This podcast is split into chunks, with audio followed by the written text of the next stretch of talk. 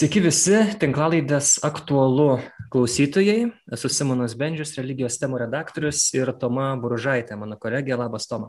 Sveiki, gyvi. Tema tikrai bus aktuali apie vadinamąją migrantų krizę Lietuvoje, kiek tai iš tikrųjų yra rimta krizė, o kiek galbūt išpūstas reikalas, mes apie tai pakalbėsim šioje laidoje. Iškart pristatau mūsų pašnekovę, tai yra nepriklausoma migracijų ir sienų specialistė, gyvenanti Londone, Indrė Balčaitė. Sveiki, gyvi. Sveiki. Na ir žinom kontekstą, žinom aktualijas, kad kiekvieną dieną mes gaunam pranešimų apie tai, kad vis nauji migrantai neteisėtai kerta Lietuvos sieną iš Baltarusijos. Ir aišku, dabar svarstoma, diskutuojama, ką daryti, kaip vienok užtikrinti tų žmonių orumą, tų žmonių prigimtinės teisės, kita vertus, kaip tą ir Lietuvos sienos apsaugą užtikrinti. Ir Seimas nesiniai priėmė rezoliuciją, vėlgi sukėlusi skirtingų reakcijų apie tai, kad nelegaliai kirti Lietuvos sieną ir neturintis asmens tapatybę įrodančių dokumentų asmenis, įskyrus moteris su vaikais, neščiasis ar neįgaliuosius, taip pat vaikus iki 16 metų, tai kad tie žmonės būtų traktuojami kaip vykdomos hybridinės atakos galimi aktyvūs dalyviai. Ir būtent neteisėta migracija traktuojama dabar Seimo kaip hybridinė agresija susijusi su Baltarusijos režimu. Tai iš viso šiemet pasienyje su Baltarusija Lietuvos pareigūnai jie priėmė daugiau nei pusantro tūkstančio migrantų ir tai yra 20 kartų daugiau negu pernai. Ir daugelis tų žmonių, tų asmenų yra iš artimųjų rytų bei Afrikos šalių. Tai dabar šią temą ir pakalbėsim, kaip reikėtų vertinti šitą situaciją, ar tikrai viskas taip yra grėsminga ir na, kokios galbūt galimos išeitis ir kaip mums patiems, tiek krikščionim, tiek ir kitiems bendrai piliečiams reaguoti esamą situaciją. Taigi dar kartą dėkoju Indrai Balčaitai, kad sutikot prisijungti prie mūsų. Tai pirmiausia, jūs, Indrė, savo tekste, kuris buvo publikuotas LRT, jūs cituojat popiežių Pranciškų, jo tokią mintį, kad jeigu mes na, apsitversime tomis tvoromis spigruotomis, kas šiuo, šiuo metu dabar vyksta Lietuvoje, tai na, mes patys užsidarysim ir mes patys nuo to nukentėsim.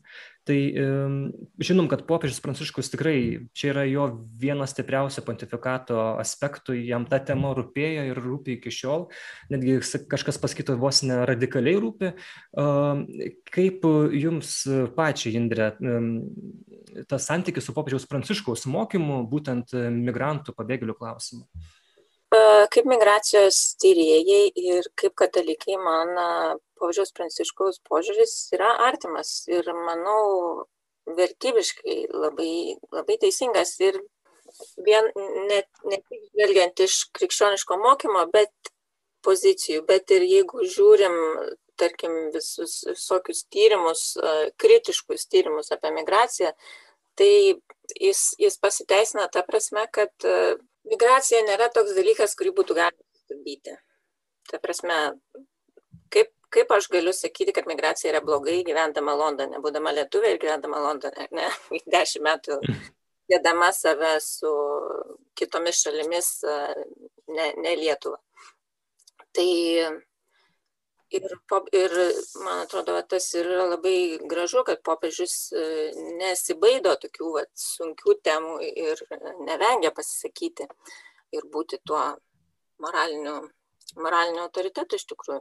Ir apie migraciją ir panašiais klausimais jis yra pasisakęs labai daug kartų. Vienas leitmotyvas yra, kad krikščionis turėtų statyti tiltus, o ne sienas labai daug kartų buvo visokiuose kontekstuose pakartota, kad sienos įkalins mus pačius. Kai Lampedūzoje 2013 metais jis laikė mišes pagerbti atminimą žmonių, kurie nuskendo bandydami kirsti viduržėmio jūrą, o jų yra tūkstančiai. Jis kalbėjo apie abejingumo globalizaciją, kad vakaruose mes globaliniai šiauriai mes pripratom prie kaip internalizavom iš tikrųjų tą savo, savo privilegijas ir nesuprantam, kokie mes privilegijuoti ir nenorim. Ir manom, kad mes neturim dalinti savo gerovę kažkaip ir kad tie migrantų srautai kažkaip atims kažkokią gerovę iš mūsų, bet, bet ne, nežiūrim, iš kokių situacijų tie žmonės bėga. Mm.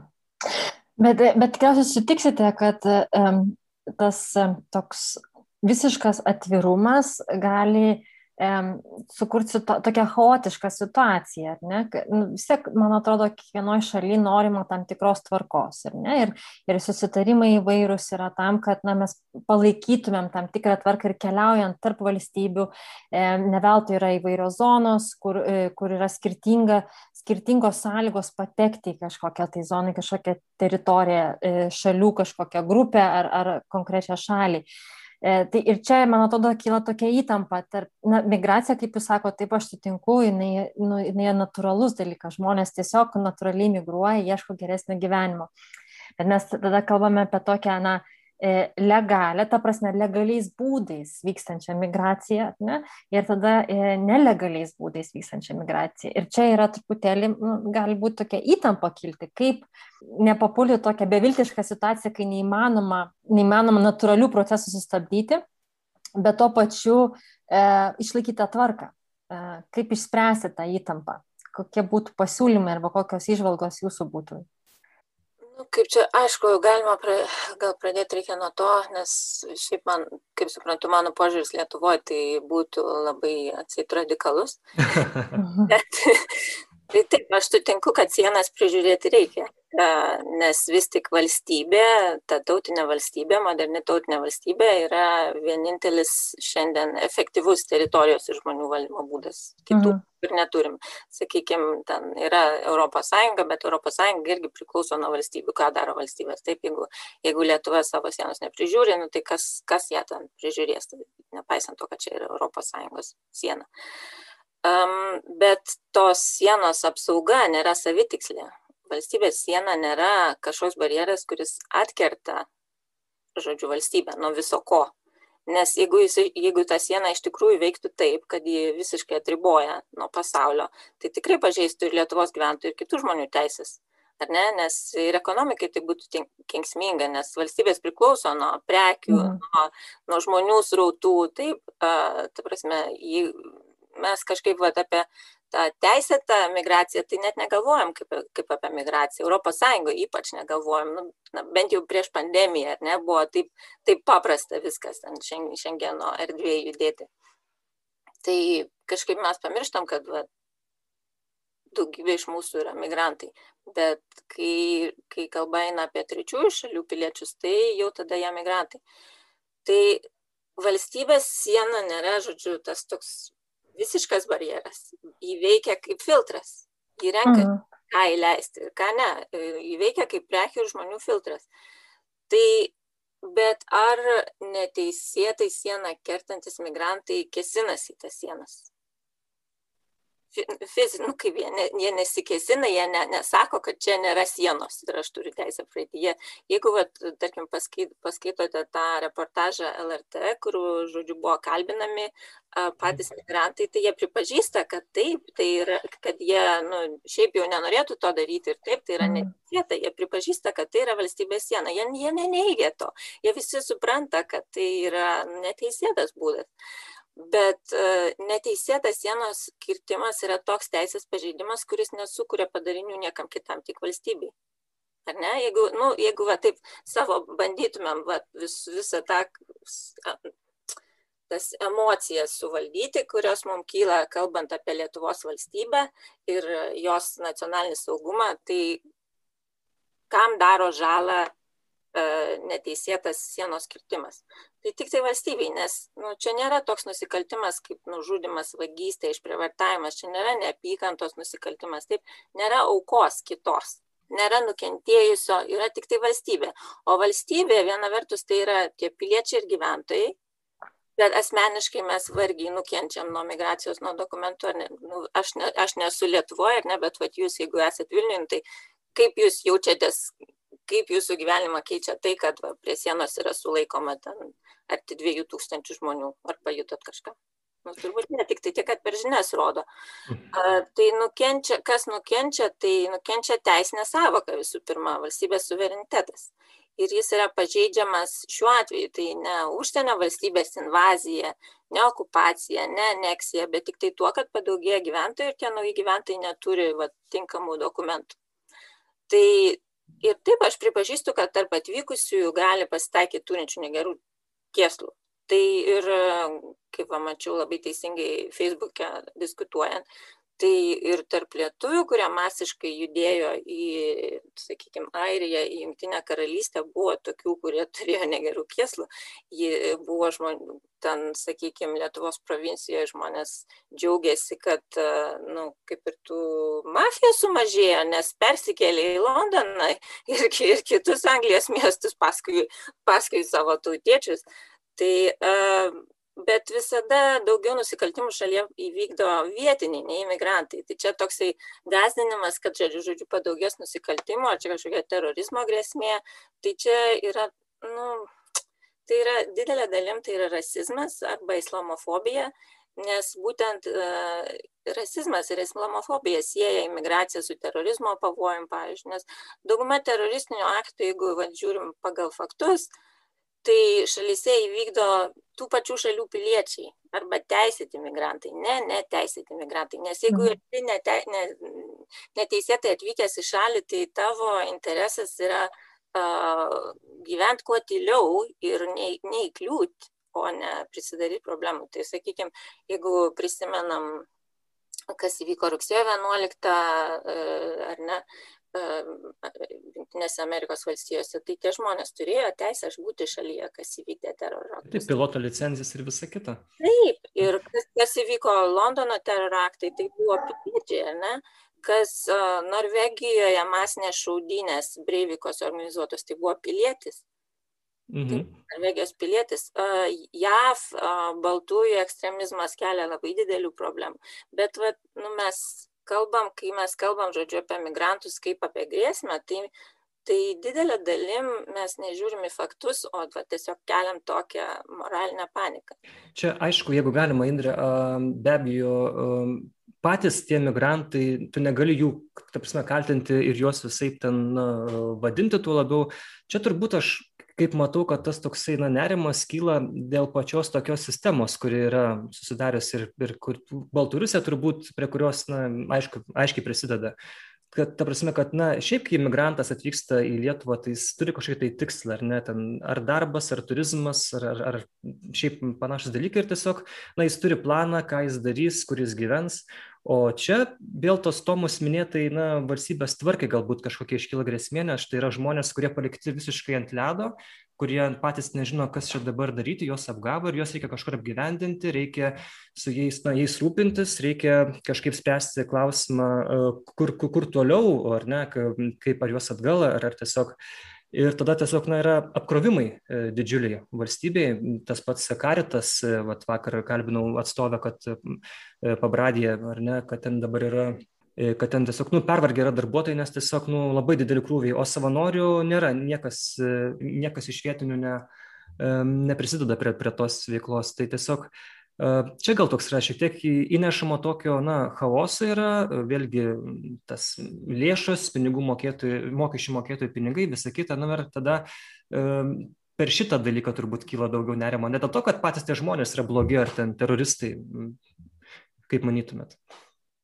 Na, tie skaičiai, kurie į Lietuvą atvyko, yra labai nedideli. Tiesiog tai mhm. rodo, kokia yra nepasiruošus infrastruktūra. Nu, mes, mes buvom pripratę, kad e, Lietuva niekam neįdomi ir kad tų migrantų, žodžiu, neteisėtai sieną kertančių per metus kokie 50, o dabar tiek per dieną. Nu, tai aišku, kad sudėtinga, aišku, kad kad sunku ir aišku, kad žmonės nepatenkinti, nes labai daug darbo, tai tas natūralu.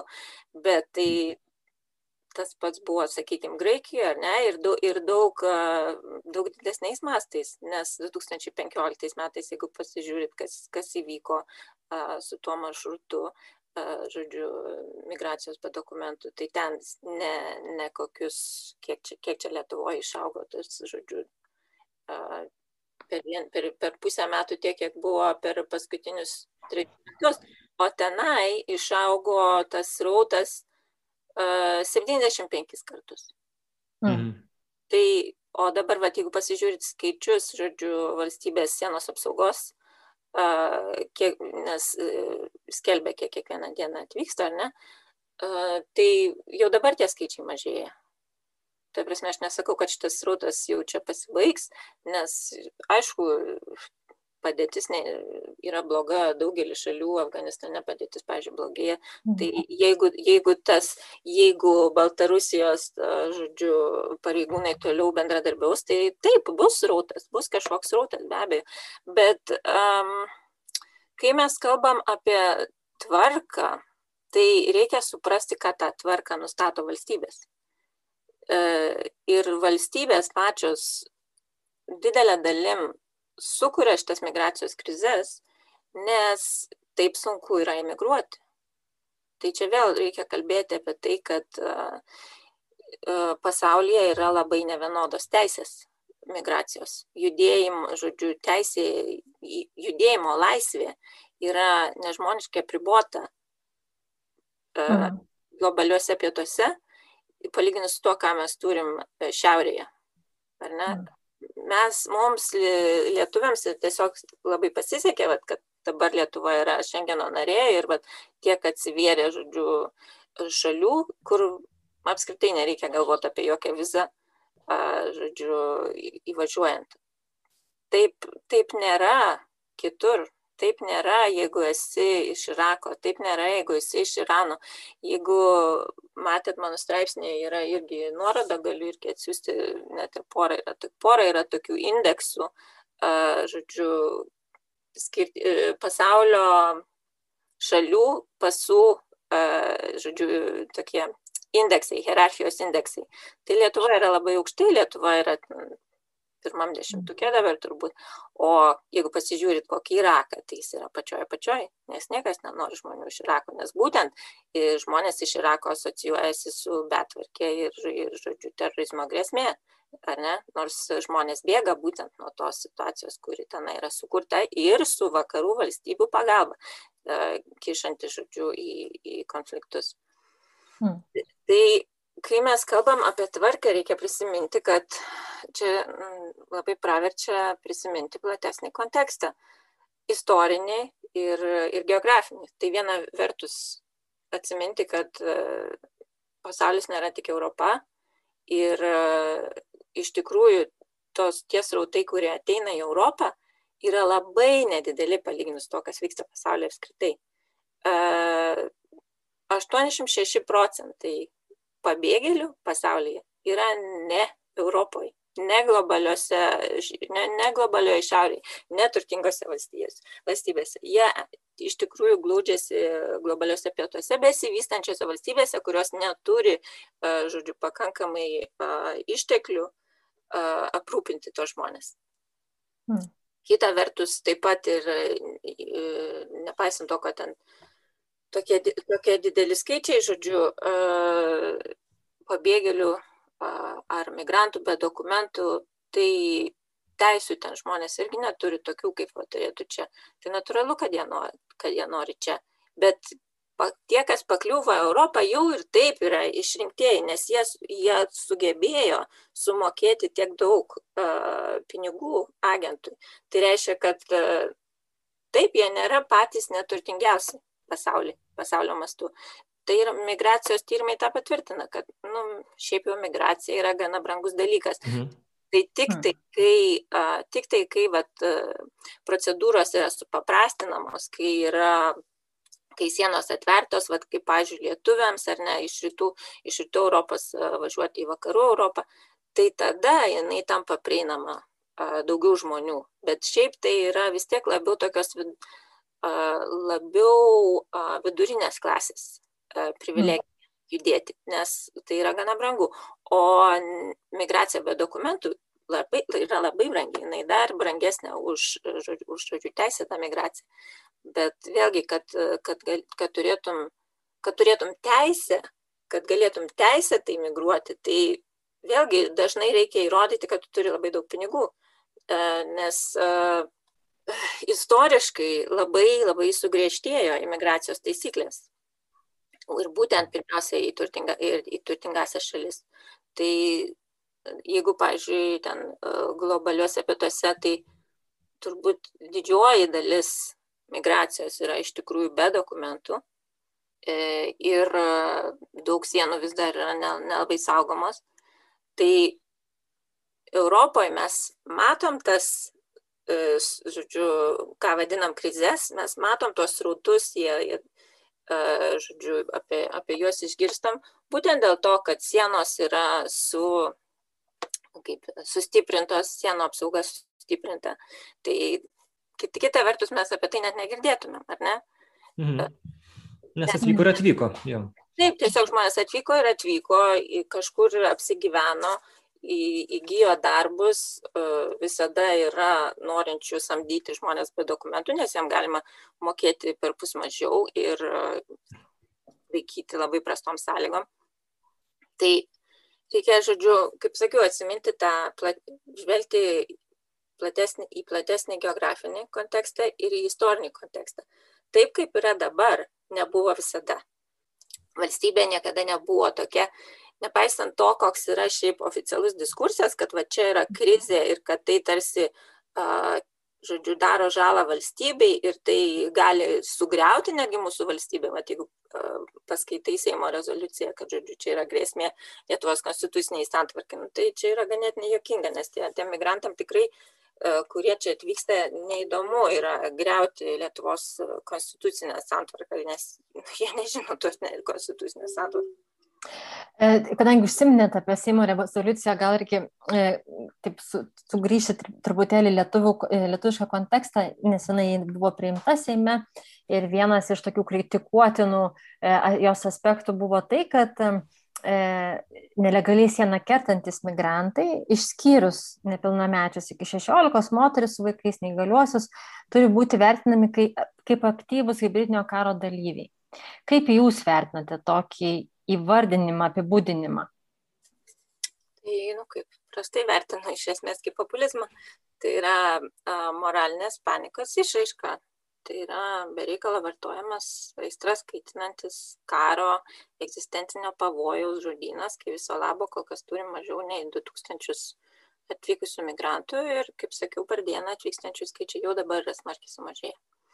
Bet logika tikriausiai yra ta, kad na, mes turime nedraugišką valstybę pašonėje, kuri labai sąmoningai, ir jau girdime porą dienų tokiu, apie konkrečius įrodymus, ne, atliekami tyrimai, kur yra nustatomos ir konkrečios įmonės turizmo, kažkokios tai kampanijos specialios, kurios būtent šiuo keliu E, skatina žmonės vykti į Lietuvą ir mes e, girdėjome ir paties Lukašenkos tokius pranešimus, kad užtvi, nu, grasinimus, kad mes mhm. užtvindysime jūs migrantus. Ne? Tai, tai tokia, na, tas, e, tas suvokimas, kad tai yra karo dalis, ta prasme, e, e, hybridinio karo e, dalis e, yra e, gana pagristas. Ne? Ir būdas ir, turbūt atkreipti tarptautinės visuomenės dėmesį, kad šiek tiek kad mes galbūt perspausim, bet užtat mes tokią labai aiškę karštą žinutę pasiūsim, kad štai, nu, padėkit mums.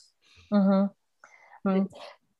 Tai jo, tai, tai tarsi irgi vėl, čia yra tokia įtampa. Iš vienos pusės yra suprantamas tas, ta grėsmė ir tas su, supratimas e, ir tas toks pavojaus jautimas, kai yra tokia situacija šalia, visai šalia e, valstybės. Kita vertus, na, yra žmonės, kurie galbūt visiškai nieko dėti ir jie net nežino, kas čia vyksta Lietuvoje. Ne? Bet, bet štai mes turime, na, tokią rezoliuciją, e, kuri, na, ją norima tarsi ginti Lietuvos interesą. E, e, ir, ir... Lietuvos interesas kas yra Lietuvos interesas. Taip, čia irgi toksai klausimas, kur e, tikriausiai vieno atsakymo, tokio trumpo atsakymo ir nėra šitoje vietoje. Ne? E, gerai, tai gal tada klausimas būtų toks, e, kokie yra tokios rezoliucijos pavojai, kai mes kalbame apie požiūrį į atvykusius, nelegaliai kirtusius sieną. Gal čia tikriausiai toks karščiausias toks momentas būtų šitame visame kontekste.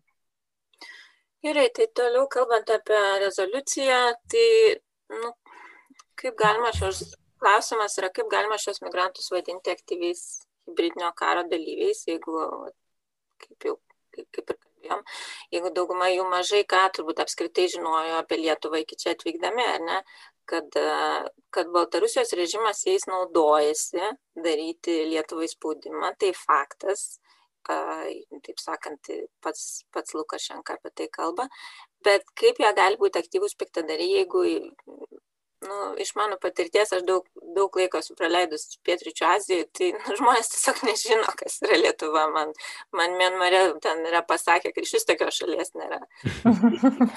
tai kaip, kaip, nu, kaip galima būti aktyvių kenkėjų, jeigu net nežinai vat, šalies pavadinimo, kol, kol ta kol tau kažkas nepasiūlo va tokio būdo nukeliauti į vakarų Europą. Ne? Tai migrantai iš Afrikos ir Azijos išsiruoždami į Europą nebūtinai skiria ES šalis vieną nuo kitos.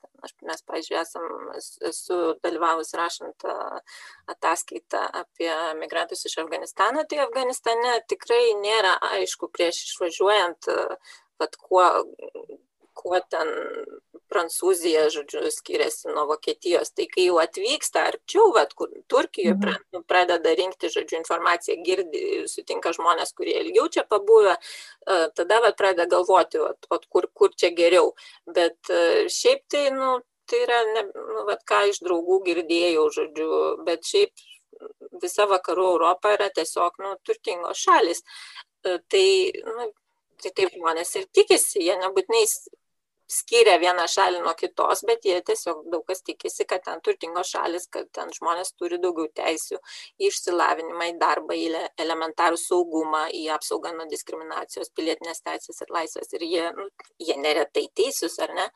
Uh, ir šiaip, šiaip ta Lietuvos politikų retorika panieši į uh, ankstesnius Europos pavyzdžius, čia nėra labai jinai nauja, gal tik skirtumas tas, kad e, dar labiau užaštrintas tas žodynas, agresija, karas ir daug mažesnis rautas kol kas nei Europos šalis patyrė, sakykime, 2015 metais e, per tą vadinamą irgi migracijos krizę tai tuometiniai įvykiai vat irgi buvo vadinami krize nors e, migracijos tyrėja nasim madžidi labai teisingai mum primena kad tokios krizės krizės globaliose kabutėse rodot jūs Taip, tai yra, nu, iš tikrųjų, tai krizės kabutėse, nes uh, globaliuose pietuose tai yra kasdienybė, tai yra ne krizė, tai, tai yra tai, kas trunka, gali trukti ir 50 metų ir žmonės taip gyvena nuolatos. Nes jeigu pasižiūrit, va, pažiūrėjau, padėtis su Afganistanu, va, kiek, kiek kiek laiko vyksta karas, ar ne, ir kiek pabėgėlių yra Pakistane iš Afganistano, kiek yra ne, ten Pakistane, man atrodo, virš 500 tūkstančių vien registruotų, Irane bent milijonas, jeigu nedaugiau, ir kitose šalyse. Nu, tai, o mes galvojam, kad čia mes labai nukenčiam ir kad čia yra labai didelė krizė. Nu, tai čia tokia truputį veidmainystė, nu, arba trumparegystė iš tikrųjų.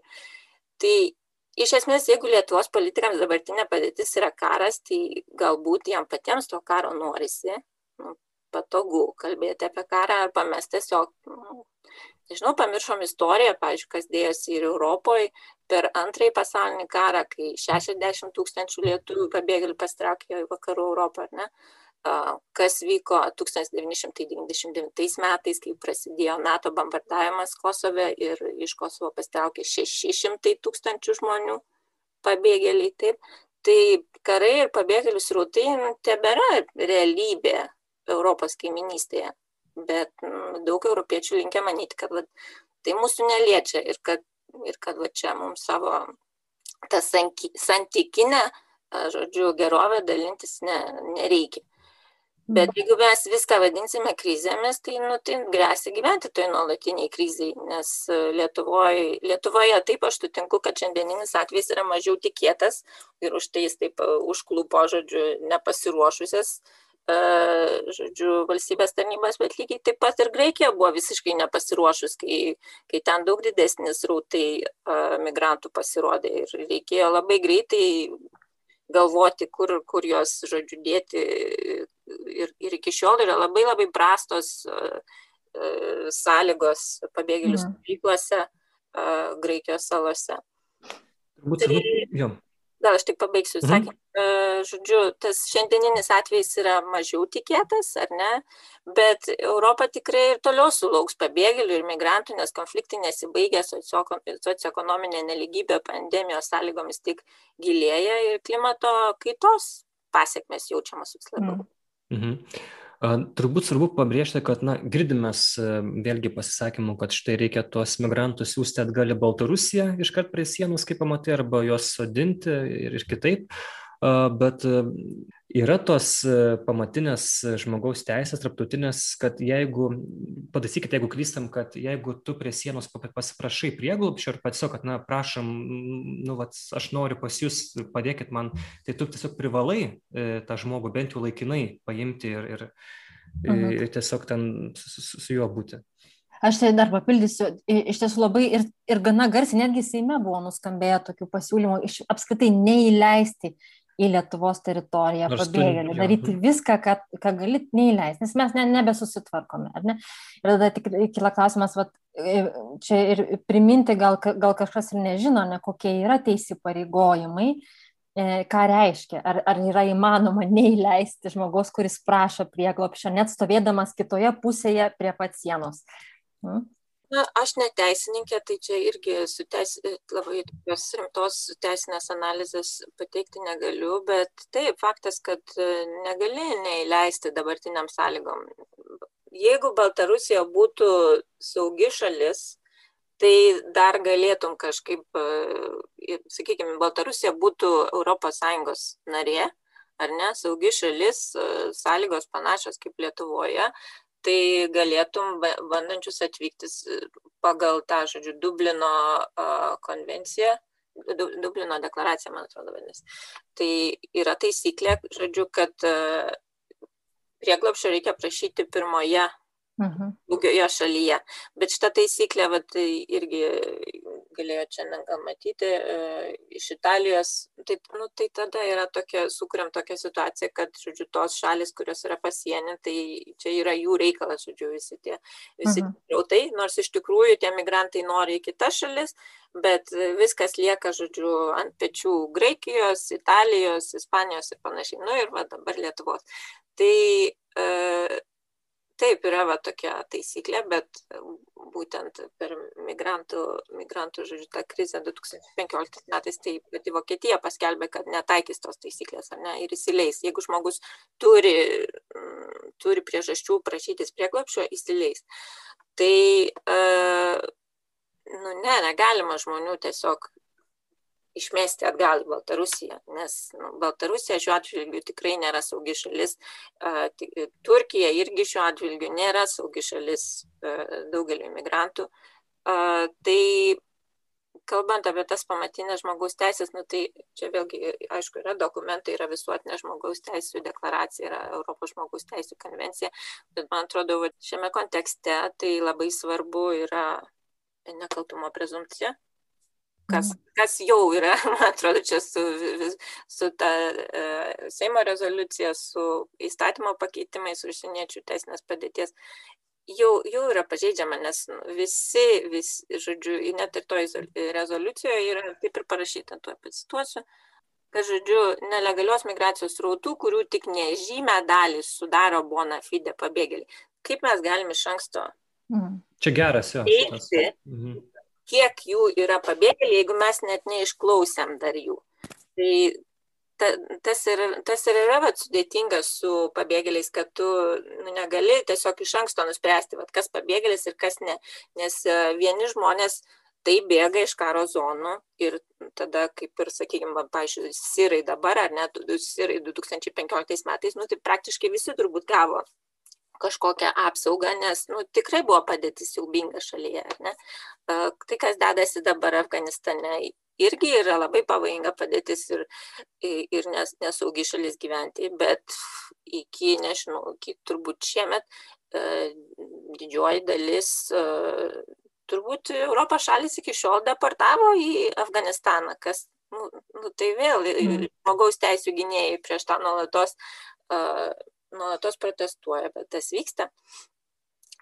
Kita vertus yra, yra tokios situacijos, kur nu, mes negalim iš to spręsti, nes tas persekiojimas, nuo kurio žmonės bėga, gali būti visai ne, ne toks, kokį mes įsivaizduojam, ar ne? Tas persekiojimas gali būti ne dėl karo, tad, sakykime, yra tokių um, situacijų, kai žmonės bėga dėl to, kad uh, jie yra etninė mažuma, kur yra persekiama toje valstybėje. Karo nėra, bet nu, realiai išgyventi sąlygų irgi gal nėra sakykime, Mianmare karo oficialiai nebuvo, ar ne, kai 2017 metais buvo vykdomas mm. genocidas. Nu, bet realiai tai yra žmonės pabėgėliai, nu, kaip juos kitaip galima apibriežti. E, sakykime, ten, tas atvejs, kurį aš, mano draugės atvejs, kurį aš aprašiau e, savo tekste, tai vėlgi toks e, gana netikėtas, bet vėlgi yra visokių pagrindų, žodžiu, E, dėl kurių žmonės yra diskriminuojami ir, ir jie bando ieškoti apsaugos. E, Sakykime, jinai, e, mano žodžiu, draugė iš Nepalo, Vengrijoje su savo vaikinu jie gavo pabėgėlio statusą, argumentuodami, kad tokia pora kaip jie, Nepale, tokios poros gali būti nužudytos, nes jie yra iš skirtingų kastų ir mhm. skirtingų socioekonominių klasių. Mhm. Ir būtent taip argumentavo, žodžiu, jų advokatas ir bylą laimėjo. Lygiai taip pat kita šeima, kurią aš Vengrijoje sutikau iš Afganistano, šeima su dviem vaikais, irgi, žodžiu, nu, vaikai neturėjo jokių galimybių eiti į mokyklą, nors mokyklinio, mokyklinio amžiaus. Mm.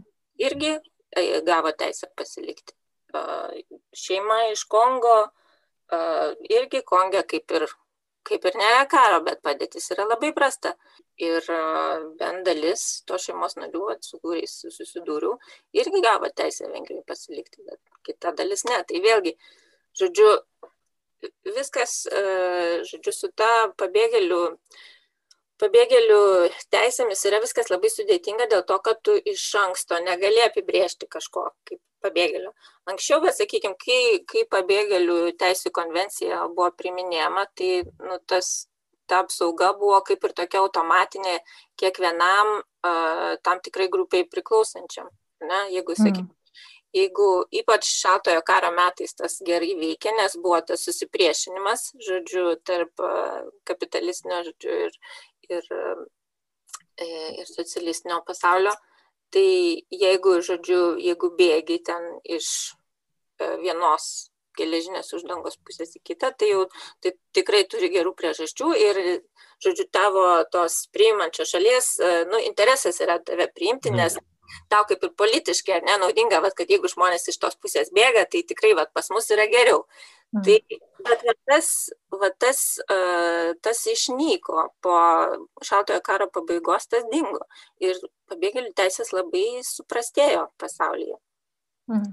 Nes būtent nebėra, žodžiu, tos politinės skirties ir kita vertus, nu, ta nauja grėsmė nauja grėsmė, kuri buvo sukonstruota, tai yra terorizmas. Ir būtent jisai ateina, žodžiu, iš tų mažiau išsivyščiusių šalių, besivystančių šalių, iš, iš globalių pietų. Bet jeigu, jeigu žiūrim real, realistiškai, tai nu, kaip mes galime iš anksto nuspręsti, kas yra pabėgėlis ir kas yra ekonominis migrantas. E, net ir ekonominis migrantas, e, žmonės bėgantis dėl socioekonominių priežasčių, nu, dažniausiai tokį gyvenimą, kokį jie gyvena ten savo šalyje, nu, tikrai yra daug prastesnės sąlygos negu tai, ką jie čia galėtų susikurti, ar ne? Tai natūralu, kad, kad žmonės to nori. Ir tai, kaip sakiau, tik labai maža dalis tą gali gyventi, tai būtent e, jau pasiekti, žodžiu, pasiekti Europą ar pasiekti Šiaurės Ameriką. Reikia atsiminti, kad tie srautai, kurie, va čia, kurie čia va neramina, tai jie yra visų pirma žmonių statusas, žmonių, kurie va, juda tose srautose, statusas, kurį jie galiausiai įgis, išsiskirs. Tai yra mišrus rautai. Tai nėra tik tai pabėgėlių ar tik tai ekonominių migrantų srautai. E, migracijos, e, žodžiu, studijose seniai yra kalbama apie mixed flows, žodžiu, mišrios, e, miš, miš, mišrus srautai. Vieni galbūt gaus prieglobstį, kiti taps, žodžiu, migrantais be dokumentų. bet iš anksto nuspręsti, vat, kad kažkas yra tiesiog migrantas be dokumentų, e, nelegaliai kirtę sieną, neturi jokių priežasčių taip daryti, tai, nu, tai yra nu, kaip nekaltumo prezumcijos pažeidimas. Kita vertus, e, kas, kas dar yra, kad, kad mes galėtumėm išsiaiškinti, vat, ar yra priežastis žmogui suteikti statusą, tai vėlgi ir turi būti teisė į teisingą, nešališką procesą, ar ne? Bet vėlgi, ką, ką įstatymo pakeitimai daro, tai būtent keičia tą procesą. Nori sutrumpinti, nori apriboti, tai vėlgi kaip, kaip įrodyti, kad, tu, kad tau iš tikrųjų grėsia pavojus, jeigu tavęs jeigu tau yra duota tik tai tiek vat, laiko būti išklausytam, ar ne, ir, pavyzdžiui, labai ir ribojama teisė, sakykime, gauti advokatą ir panašiai.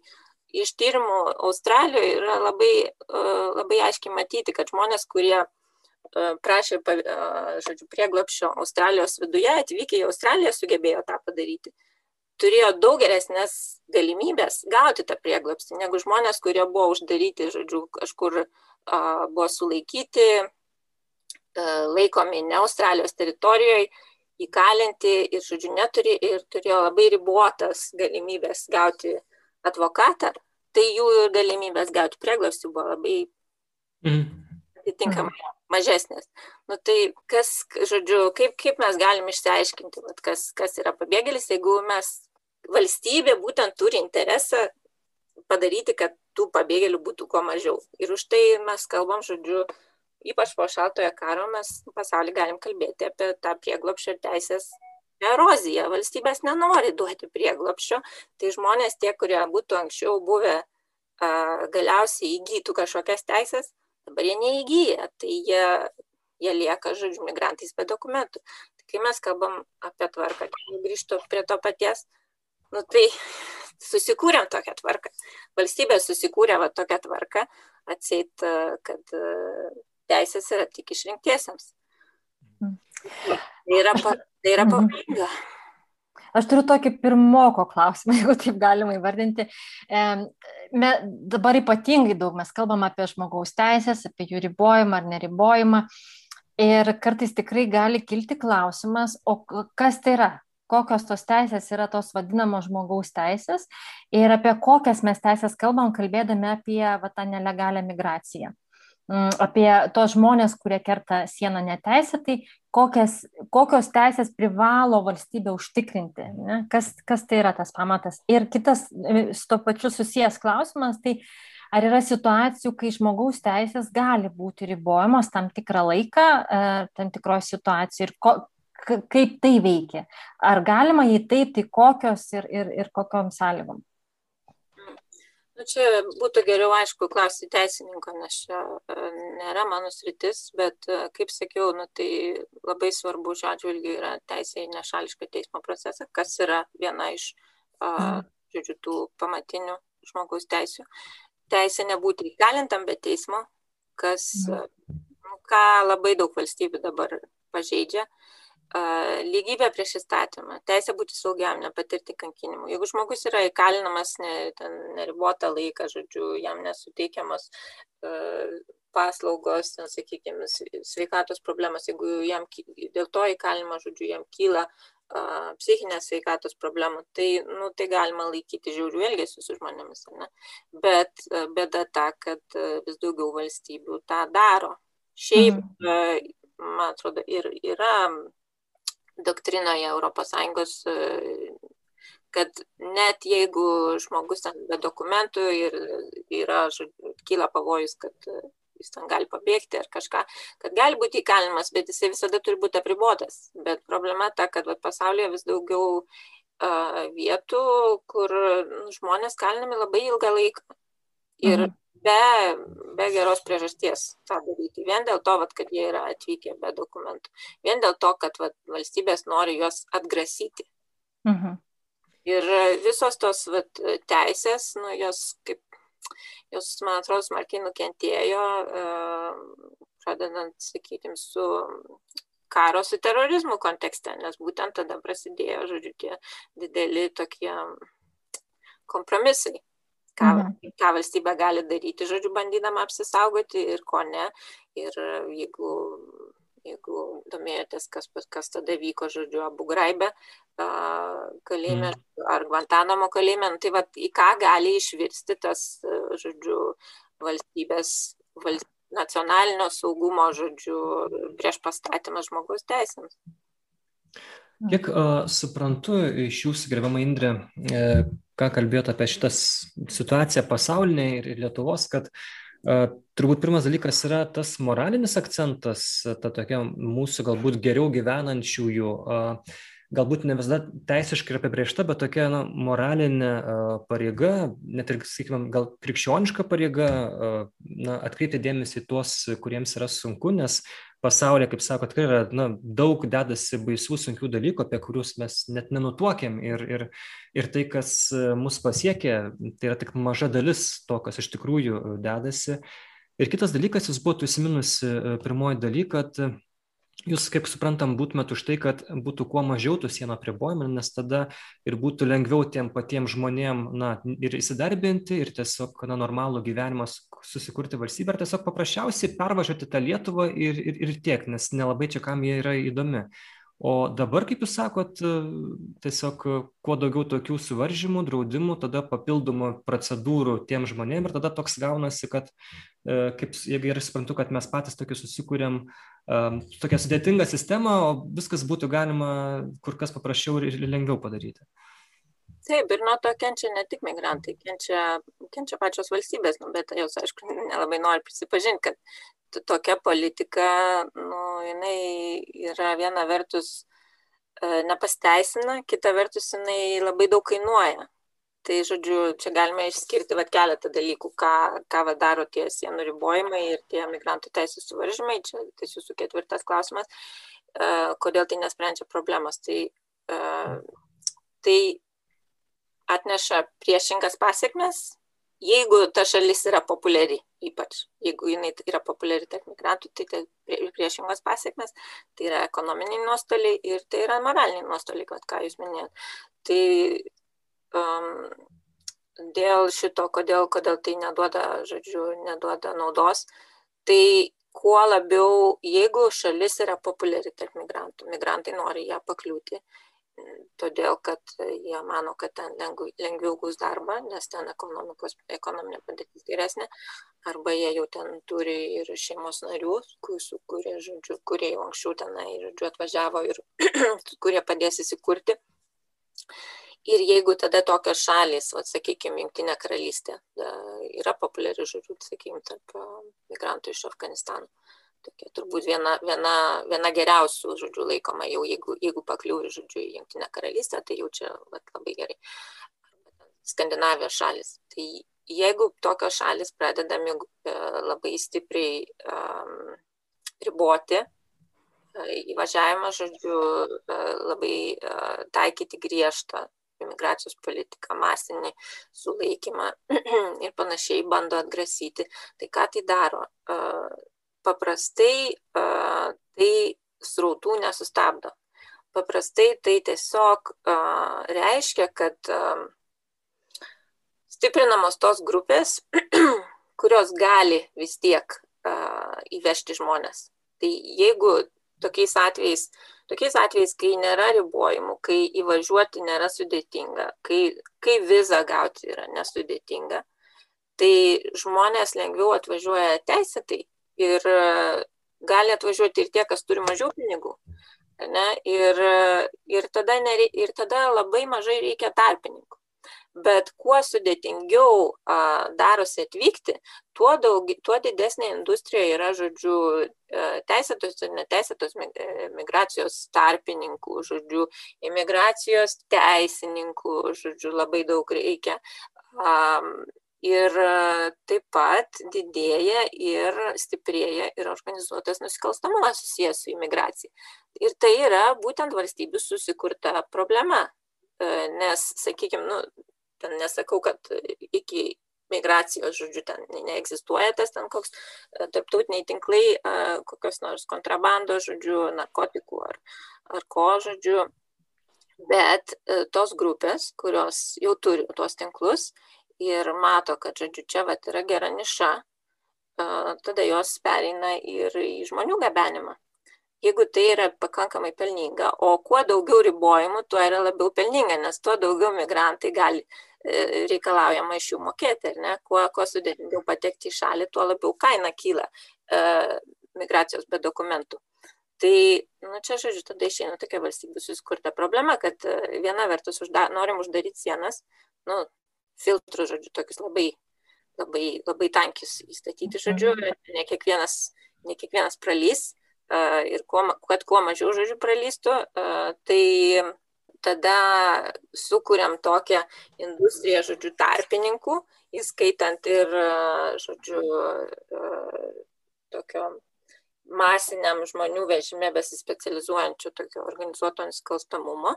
Tada tų pačių migrantų padėtis kelionėje blogėja, nes kuo galingesni tie tinklai, nusikalstami, žodžiu, kuo, kuo daugiau jie, e, migrantai turi turėti reikalų su nusikalstamais tinklais, tuo jie mažiau teisų turi toje kelionėje, tuo labiau, žodžiu, ta, kas, kas galėjo būti tiesiog žmonių kontrabanda, tiesiog, va, aš noriu nukeliauti kažkur, moku pinigus ir, ir nu, agentas turi mane, žodžiu, man padėti, man, žodžiu, pristatyti mane į tą šalį.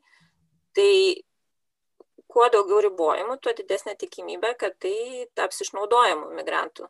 Tai to, tos, tose regionuose, kur yra labai sunku judėti, tai tiesiog vyksta priekyba žmonėmis. Tai, kas vyksta tai, ką mes matom čia Lietuvoje iš to, iš, iš pranešimų, kaip tai yra organizuojama, tai nėra priekyba žmonėmis, tai yra kontrabanda, žmonių kontrabanda. Ir tai yra daug mažesnis nusikaltimas negu priekyba žmonėmis, nes tie migrantai savanoriškai, jie, jie nori nuvykti, žodžiu, į Europą, jie patys moka pinigus ir su jais nėra, nu, kaip žiauriai elgiamas, jie nėra masiškai kalinami, iš, žodžiu, iš, kalinus nėra reikalaujama ten išpirkos iš uh, iš jų artimųjų ir taip toliau. Bet visi tie dalykai yra realūs ir jie vyksta kai kuriuose migracijos maršrutuose, pavyzdžiui, Afrikoje, Rytų Afrikoje tas, tas, tas vyksta. Mm. Žmonės, daug žmonių miršta, būna pagrob, pagrobiami, nužudomi, žodžiu, reikalavimai išpirkos ir panašiai. Tai kuo daugiau yra tokių vat, barjerų, kuo jie aukštesni, kuo jie sudėtingesni, tuo labiau stiprėja nusikalstamos grupės ir tuo mažiau teisų turi migrantai. Ir tada, žodžiu, valstybės tokios kaip Junktinė karalystė tada samdo tyriejus prašyti rekomendacijų, kaip kovoti su, su imigracija susijusiu organizuotu nusikalstamumu. Ar ne? Nu, tai yra, susikuriam problemą, tada galvojam, kaip su juo kovoti. Tai paprasčiausias būdas su juo kovoti yra supaprastinti e, imigraciją, žodžiu. Mhm. Bet, bet aišku, tai yra nu, politiškai labai nepopuliarus sprendimas e, dabartiniam, dabartiniai tokiam, dabartiniam diskursui. Kita vertus yra ekonominiai nuostoliai. Tai yra e, masinis sulaikimas, e, ilgalaikis įkalinimas, nesuteikimas teisės dirbti ar mokytis, žala fiziniai ar psichiniai žmonių sveikatai, didelės biurokratinės sąnaudos. Tai, tai labai daug kainuoja, reikia daug darbuotojų ir kitų išteklių byloms svarstyti, nes kiekvienas vis tiek reikia kiekvieną bylą svarstyti individualiai, sulaikytosius aptarnauti, kadangi jie patys aptarnauti negali, jeigu juos laikai, žodžiu, masiškai sulaikyti, judėjimo teisės neturi, įsidarbinti patys savo užsidirbti ne, negali. Tai, nu, tai nėra, migracija nėra tokia, migracija be dokumentų nėra tokia problema, kurią būtų galima išspręsti, va, taip, va, vieną kartą visiems laikam, nes tai yra procesas, ne padėtis. Ir, va, yra gera citata iš Saskijos Asen knygos dar 96 metais išleistos kas, kas yra migracijos, imigracijos politika, žodžiu. Tai kasdien reikia tvarkyti paraiškas, priimti, atmesti, vežti į sulaikymo centrus, patruliuoti pasieniuose, sugauti, nesugauti, gelbėti iš prakiūrusių laivų atviroje jūroje ir pakrantėse. Kitaip tariant, didžiulė neišmatuojama įvairovė dalykų vykstančių daugelį skirtingų vietovių, nuo sienų iki teismo rūmų, nuo įstatymų leidybos iki darboviečių. Visa tai yra vat, imigracijos politika. Nu, galiausiai tai yra taip, nu, moraliniai nuostoliai čia globali mhm. šiaurė ir taip gauna labai nedidelę dalį pasaulio migrantų. Didžioji dalis migracijos vyksta pietuose, didžioji dalis yra be dokumentų. Afrikoje, Azijoje, Persijos įlankos šalis, labai daug migrantų importuoja.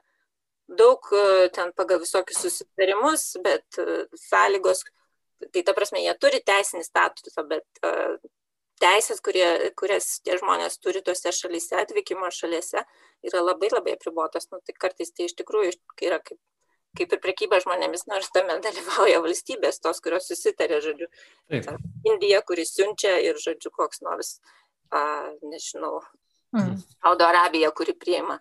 Jo, kita vertus, kaip tada, e, jeigu, tarkim, siūlytumėm e, tą supaprastintą e, tą visą vizų ir, ir sienų politiką, kaip tada valstybėms apsisaugoti nuo žmonių, kurie turi nebūtinai gerų intencijų, ar ne? Ir mes matom, matydavom kartais per tą tą pirmąją didžiąją, tą vadinamą migrantų krizę Molenbeko kvartalą Belgijoje arba kitur, kur vėlgi tenais įvairūs huliganizmo atvejai ar ne. Ir, Ir, ir teko Švedijoje, kai dar dirbau Lietuvos radijoje, kalbinti vieną reporterę, kur sakė, kad nu, tapo tikrai nejauku, nes na, to huliganizmo labai padaugėjo būtent atvykusiems žmonėms. Tai ir turbūt čia vienas iš karščiausių klausimų tiek ir Lietuvoje, tiek ir tarp politikų ar visuomeniai, kad na, jeigu mes va, taip viską, viską labai priimsim, iš, ypač iš kitų kultūrų ir įvairių, aišku, turiu žmonių, įvairių grupių, bet yra radikalizuotų, nebūtinai gerai nusiteikusių, ar ne, ir, ir kaip, kaip, kaip tada, kaip suderinti tą atvirumą ir tą tokį, na, moralinę kaip ir pareigą, e, bet kartu ir, na, mūsų pačių piliečių saugumą ir, ir, ir tą, vėlgi, tą pačią tvarką, ar ne, tą ramų gyvenimą, e, prie kurio mes čia grįžtam. Turbūt klausimas platus, bet, vat, turbūt jisai toks, kurį turbūt privaloma užduoti tokiam kontekste. Nu, tai vėlgi aš nesakau, kad, nesakau, kad reikia visiškai, ne, visiškai atsiverti ir, žodžiu, jokio, jokio tikrinimo nevykdyti. Bet taip kaip yra dabar, yra, nu, dėl yra tos krizės, kad yra nu, pernelyg uh, sustiprintas, žodžiu, sugriežtintas imigracija. imigracija. Ir, kaip sakiau, nu, atitinkamai tai kainuoja dėl, dėl, dėl visokių žodžių žmonių su negerais ketinimais. Nu, tai kaip sakiau, vėlgi čia, jeigu migrantai kažką padaro e, negero, tai visada tai yra išreklamuota.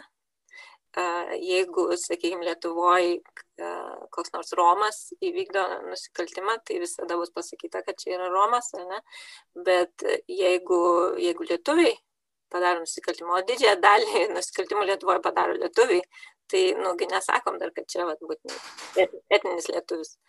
Taip, bet mes kalbam apie galbūt situaciją, vat, kaip ta pati Švedija, kai, vat, na, ką pasakoja korespondentė, kad buvo ramu, ramu, mes gyvenam, gyvenam ir vėlgi įvairių tautybių, religijų žmonės, bet štai uh, po šito įvykio, kai, kai, kai padaugėjo ar ne žmonių atvykusių iš svetur ir kai kurie, vat, būtent grupė jų buvo su tom negerom intencijom, tada tapo nelabai taip ramu ir nelabai saugu.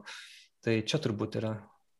Tai man atrodo, čia yra, nu, čia daug aspektų galima kalbėti, uh, žiūrėti į tą. Uh, tai vienas dalykas, kad uh, reikia ne tik įsileisti, bet ir integruoti. Taip, jeigu, jeigu, jeigu, jeigu įsileidai jau žmonės, tai reikia reikia viena vertus, kad nebūtų rasinės neapykantos, kas yra labai sudėtinga padaryti, bet būtent, kad reikia. Tai, neturi, tai nėra, migracija nėra vien, vienos krypties eismas. Mhm. Taip, tai ne tik migrantai turi prisitaikyti, turi ir valstybė priimanti prisitaikyti dalis įtampų kyla dėl to, kad būtent yra nu, nesusikalbama, yra ne, nenorima pažinti, yra, reika, yra reikalaujama, vat, kad tiesiog imigrantai prisitaikytų prie mūsų taisyklių ir viskas. E, ne, nebandom aiškintis, e, ko, ko jiem reikėtų.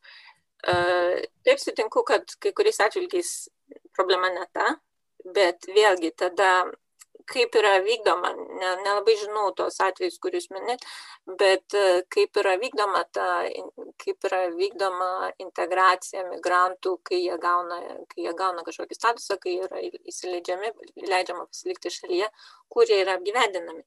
Ar jie visi, pavyzdžiui, siunčiami į vieną vietą, į vieną regioną, ar jie skirstomi, e, žodžiu, kaip organizuojamas apgyvendinimas nu, čia daug dalykų susideda. Kaip sakant, norėčiau pakomentuoti daugiau, bet nu, nelabai ne žinau tos atvejus. Tai, bet iš, iš, taip, iš bendrų dalykų, tai yra labai svarbu, vat, ką valstybė tada, jeigu jis leidusi, ką jį daro, žodžiu, kaip, kaip jie elgesi su tais rūtais, kai, kokios sąlygos jiems sudaromos. Taip, viena vertus jiems, jiems reikia sudaryti sąlygas mokytis kalbos ir suprasti, kaip, kaip dalykai veikia šitoje šalyje, bet kita vertus reikia bandyti ir, ir išklausyti. Aš turiu prisipažinti, ruošiantis šitam pokalbiu, kai kolega Simonas atsiuntė man jūsų tekstą ir skaičiau apie šitą, tą, tą tokią nuostatą, kaip žvelgti į migraciją, kad, e, kad suvaržymai kaip tik didina problemą, tai e, atlaisvinus tiesiog migracija e, ima mažėti, man tai skambėjo kaip tarsi na, yra daromas kažkoks nusikaltimas, tarsi jį legalinam, tai nusikaltimo nebelieka. Ne? Čia mano toks, nu, taip grubiai tariant. Ne? Nu, bet aš jau papasakojau, koks taip, taip, taip. nusikaltimas. Tai, taip, taip, taip. Tai vat, aš klausant dabar vat, mūsų pokalbio metu, aš suprantu, kad e, supratau savo klaidą, ne, kad ir iš tikrųjų tai gali būti, kad yra ir, ir toks vyraujantis požiūris, kad apskritai pati migracija ir žmonių judėjimas nėra nusikaltimas. Ne? Tai žmonės turi teisę judėti ir ieškoti savo geresnio gyvenimo, kad ir kur jie gyventų. Ne? Tai man atrodo, čia toks pamatinis e, toks e, požiūris. Ne? Ir tada jau, e, jeigu žmogus turi teisę judėti, tai jau tada yra tokia, na, visai kitaip tada galima tvarkytis tos, tos taisyklės e, ir tos visus ribojimus, kurie ir leistų integruotis kažkokioj pasirinktoje vietoje. Ne? Ir tiems, kurie jau įsigyvenę toje vietoje ir tiems, kurie atvyksta kartu integruotis ir kurti bendrą gyvenimą. Tai e, tiesiog kitokia prieiga tada, kai, kai pasikeičia tas pamatinis požiūris į patį judėjimą žmonių nes, nes iš tiesų netgi e, vėl pas mūsų čia irgi vyksta įvairūs protestai, e, raginantis griežtinti politiką kur pavyzdžiui nuskamba arba užrašyti tokie plakatai, kur Europa yra mūsų, ne tarsi, na, mes ne, neįsileisim, nes čia yra mūsų, mūsų gerbovis, mes susikūrėm, mes nenorim svetimų. Ne. Ir, nu, vėl. Susikūrėm, jeigu tai yra tiesiog, vat, nu, mes tokį, mums pasisekė, kad mes tokį pasą turim. Kaip čia taip, taip, taip. Čia mes gimėm, mes nieko nenusipelnėm, kad, e, kad čia mes esame. Ne? Tai, Tai, tai čia labai toks subjektivus mano vertinimas, prisipažįstu, bet sąžiningas, kad e, iš tiesų na, mes negalime Europos savintis, man atrodo, kad negalime Europos savintis, bet kažkaip turim pareigą būti žmonėmis ne, ir, ir kažkaip ieškoti sugyvenimo su tais, kurie irgi e, natūraliai nori geresnio e, gyvenimo. Čia nenoriu užbaigti, bet man tiesiog e, klausantis, e, mhm. tiesiog vyksta irgi kismas. Ja, bet jau, jau užbaigti gal reikėtų, nes manau, kad duokim uh, jau pailsėti ir mūsų pašnekovai ir jau mes jau kalbam virš valandos. Gal tik pačiai pabaigai, jūs pat pradžioje minėjote, Indrė, kad esate irgi katalikė, tai um, nežinau, galbūt tada, vat, ką patartumėt e, broliam ir sesėm katalikams, kuriems ši tema yra svarbi ar ne, ir kurie bando vat, perklausę šitą tinklalaidę, bet jie gal girdi ir kitas nuomonės ir tai normalu ir tiesiog, kad jie bando čia susigaudyti, tai kaip čia dabar, kaip čia elgtis, kokia čia ta nuostata turėtų būti e, to nelegaliu, e, nelegalios imigracijos ir būtent konkrečiai tų, tų asmenų atžvilgių. Oi, čia tikrai dar tiek, tiek daug galima kalbėti. Man labai malonu, vat, kad Romas sakė, žodžiu, kad vyksta kismas, nes aš tikrai pripažįstu, kad man irgi buvo, aš ne, ne visada galvojau taip kaip dabar ir man, man turėjo vykti didelis kismas, bet uh, bet būtent e, doktorantūros laikais, kai išklausai ten keliasdešimt uh, interviu su migrantais be dokumentų, tu, tu supranti, kad tai yra žmonės kaip aš. Mhm. Ta, prasme, mano, mano giminaičiai prieš mane išvyko į Didžiąją Britaniją, įsidarbino, žodžiu, dar iki ES, įstojimo į ES, paskui aš atvažiavau, žodžiu, ten studijavau doktorantūrą ir panašiai. Nu, tik tai tiek, kad jie to negali padaryti legaliai, nes nu, tokia yra labai griežta Tailando imigracijos politika. Ir, ir tai yra labai patogu. Tai kai, kur, kai kuriuose valstybėse tai yra tiesiog pajamų šaltinis valstybei. Nu, ir va čia matom tokią situaciją Baltarusijai. Tai yra pajamų šaltinis, ar ne? Taip, dėl. Um, Šiaip tai dar turiu keletą komentarų, bet gerai bandysiu atsakyti, žodžiu, dėl, dėl katalikų. Nu, tai mane asmen, man asmeniškai tai labai skaudu, kai uh, žmonės save laikantis katalikais uh, nu, propaguoja tokią, tokį neapykantos diskursą, kad nu, nužmo, nužmoginantį diskursą, kad ten, ar tai būtų migrantai, ar tai būtų, ar tai būtų nežinau, uh, žodžiu, homoseksualios orientacijos žmonės, kai tuo tarpu būtent dabartinis popiežius tai nu, atvirai kalba, kad ne, ne taip reikėtų daryti dalykus ir ne, ne taip reikėtų galvoti. Visų pirma, tai turėtumėm matyti žmogų vienas kitame, o ne, ne migrantą, ne, ne gėjų ar lesbietę. Iš kiekvieno santykio mes galim kažką išmokti. Ir tam, ir tam yra priežastis kodėl, kodėl mes tą žmogų sutinkam, gal būtent mes jį sutinkam tam, kad, kad kažką išmoktumėm apie save ir apie pasaulį. Gerai, ir jūs, Indrė, sakė, kad dar turite dar porą komentarų, tai uh, nežinau, jeigu čia galėtumėt juos dar pasakyti ir mes tada gal jau ir, ir pabaigtumėm. Nu, šiaip, e, aišku, labai e, nemalonu, kad Lietuvos politikai ir didelė dalis žiniasklaidos vartoja tą nelegali migraciją. Mhm nelegali migracija, aišku, šiaip tobulo termino nėra, ir, bet socialiniuose moksluose šiandien tokį terminą vartoja tik tai tie mokslininkai, kurie, nu, vat, negali atmat, atmatyti, žodžiu, kabutėse, atmatyti, atmokti valstybės ir nekritiškai perima jos terminologiją kaip tikrovę atspindinčią. Tai va čia tas tas virsmas, žodžiu, apie kurį, apie kurį, apie kurį mes užsiminėm, kad nu, tas reiškinys yra vadinamas metodologiniu nacionalizmu, kai viską žiūrim per valstybės sakinius, valstybė automatiškai analizės vienetas ir vad ką valstybė pasakė, tai taip ir yra. Jeigu nelegalu, tai nelegalu. Bet kritiški socialiniai mokslai yra kritiški valstybė, ir valstybės atžvilgių ir jie bando rasti būdų apie tikrovę kalbėti nu, iš kitų atskaitos taškų. Kad kažkas yra legalu ar nelegalu, tai yra valstybės sprendimas ir ne visada sutampa su tuo, kas laikoma priimtina ar moralu vienoje ar kitoje visuomenėje. Žmonės patys savaime nėra nelegalūs, tai valstybė, valstybė gali nuspręsti kitaip ir sukurti, pavyzdžiui, ten milijonų žmonių be pilietybės, kurie neturi pilietybės niekur. Tai čia bus grinai valstybės veiksmų pasiekmė. Ir jie, taip kaip kalbėjom, žmonių judėjimas savaime nėra, nėra nelegalus, ES tai pamatinė teisė ir laisvė. Ir šiaip kaip žmogaus teisė yra, žodžiu, palikti šalį, kurioje gyvenai, kurioje gimiai.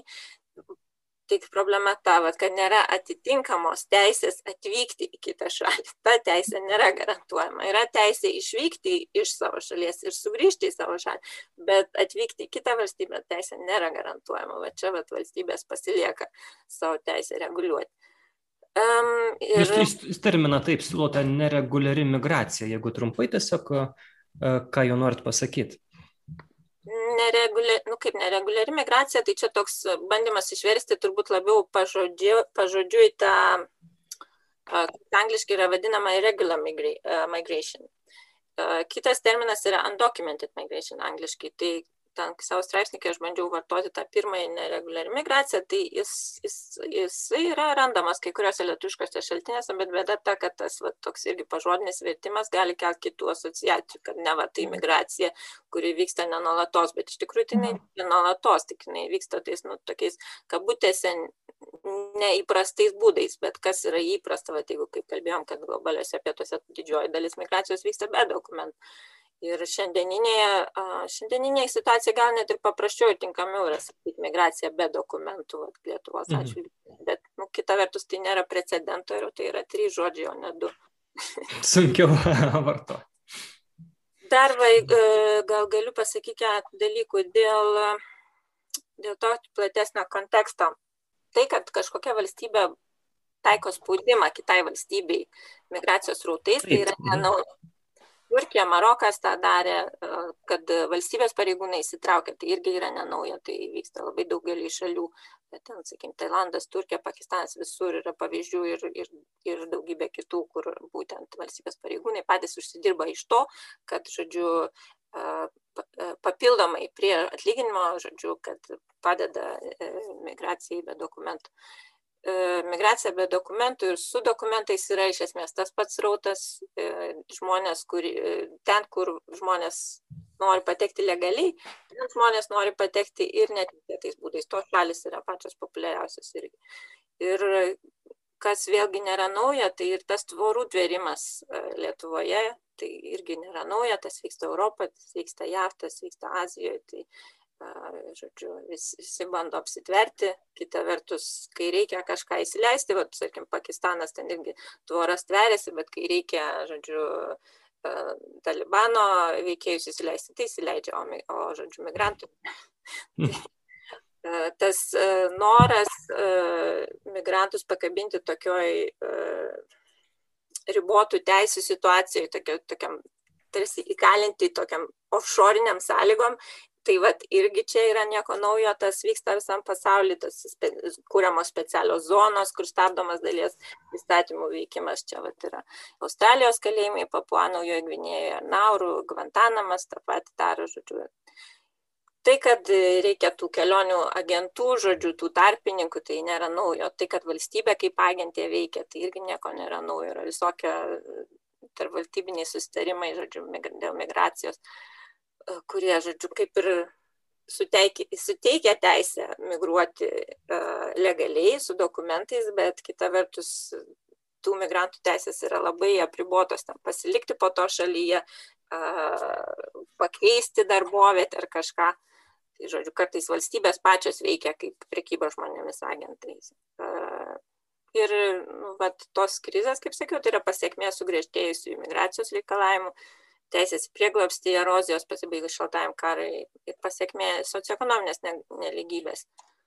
Ir šiaip, vat, jūsų čia tie pradiniai klausimai klausė, kokie yra gerieji pavyzdžiai. Tai, Taip, mhm. nes mes dabar apie bloguosius vien kalbėjom. Labai daug kalbėjom apie tai, kas yra blogai, bet vat, čia aišku, gal, gal yra ir daugiau, bet man taip yra įstrigę iš visokių, žodžiu, iš literatūros, sakykime, Argentina ir Ruanda, ar ne, taip ganėtinai netikėta, ar ne, nes tikėtumėmės, mhm. kad čia turėtų būti globalioje šiaurėje, bet, pavyzdžiui, Ruandoje pabėgėliai iš Burundžio turi visas teisės dirbti ar, ar mokytis, o šiaip didžioji daly globalių pietų tai yra problema ir todėl žmonės nenori tam pasilikti, ten, sakykime, gali būti kokia pabėgėlių stovykla gyvuojant jau 30-40 metų, bet žmonės turi teisę mokytis, bet neturi teisės dirbti oficialiai. Mm. Ne, neoficialiai, jie vis tiek dirba, bet, nu, tai, žodžiu, tokio oraus gyvenimo negali susikurti, tai tie, kas gali ir bando, bando pabėgti. Argentina yra, pavyzdžiui, pripažinusi tokią vykdo atvirų durų politiką ir nediskriminavimo statusą suteikia prieigą prie švietimo, darbo, sveikatos apsaugos, e, teisinių paslaugų. Ir tai, ir, nu, tai yra toks pripažinimas, kad valstybės pačios yra e, migracijos, ir migracijos padariniai, ne? Argentina yra imigrantų valstybė mhm. sukurta. Tai, tai, kaip kiekviena šalis šiandien atrodo, yra ir migracijos padarinys. Ir migracijos, kuri vyko labai kitokiam sąlygom negu, negu dabar, ten, sakykime, Centriniai Azijoje ar Afrikoje klajokliai tūkstančius metų klajojo, ar ne, ten, kas, sakykime, kokius galvijus augina. Ir ten tos sienos niekam nerūpėjo. Čia dabar va, mes statom tas tvoras ir, žodžiu, tie žmonės tokie įkalinami. Mm. Tai labai jums ačiū, gerbima Indrė. Tikrai, man atrodo, mums su Tomu buvo labai įdomu ir tokių tikrai daug, daug naujų, naujų dalykų. Išžudžiau galvą. ne, labai, labai, jo, daug, daug iš tiesų palėtėm, daug aspektų, tokių, mm. kur, kur normaliai galbūt ir negirdim, ne, ne, tiek ne, nepamastom, ne, kad tai nėra tik tai tiesiog žmogus skirto sieną bet kad tai yra didesnis kontekstas ir, ir vyksta pasaulyje, tai nuolatos, ne, kad tai nėra kažkoks išskirtinė, taip smarkiai išskirtinė situacija, vis tik tai nėra. Mm. Tai jeigu jums patiko, mėly e, klausytojai, šitą tinklalaidė, tai žinokit, kad galite mus paremti, tai primenam, kad galite pirkti ir šitą žuvytę ženkliuką, dar turim tomą, ne, šitų. Taip, taip, žinoma. Įsisekti. Taip. Yra informacija, viskas yra internetiniam puslapio, kur ją įsigyti ir kaip įsigyti. Mm. Taip, jūsų parama labai svarbi ir taip pat visus tinklalaidės visose tose platformose, Spotify, iTunes, Google podcast ir kitur. Pats tikrinau, mačiau, taip pat yra. Tai, tai galite, jeigu jums patogiau ir per šitas platformas klausytis. Na, o, o kalbėjom apie būtent migrantų, pabėgėlių ir, ir mūsų požiūrio į šitą situaciją ir tuos žmonės e, temą. Tai mūsų pašnekovė buvo nepriklausoma migracijų ir sienų specialistė Indrė Balšaitė. Tai dar kartelį tikrai jums ačiū. Ačiū. Viso gero laiko vasaros ir, ir toliau likim kartu. Taip, iki. Iki. Viso.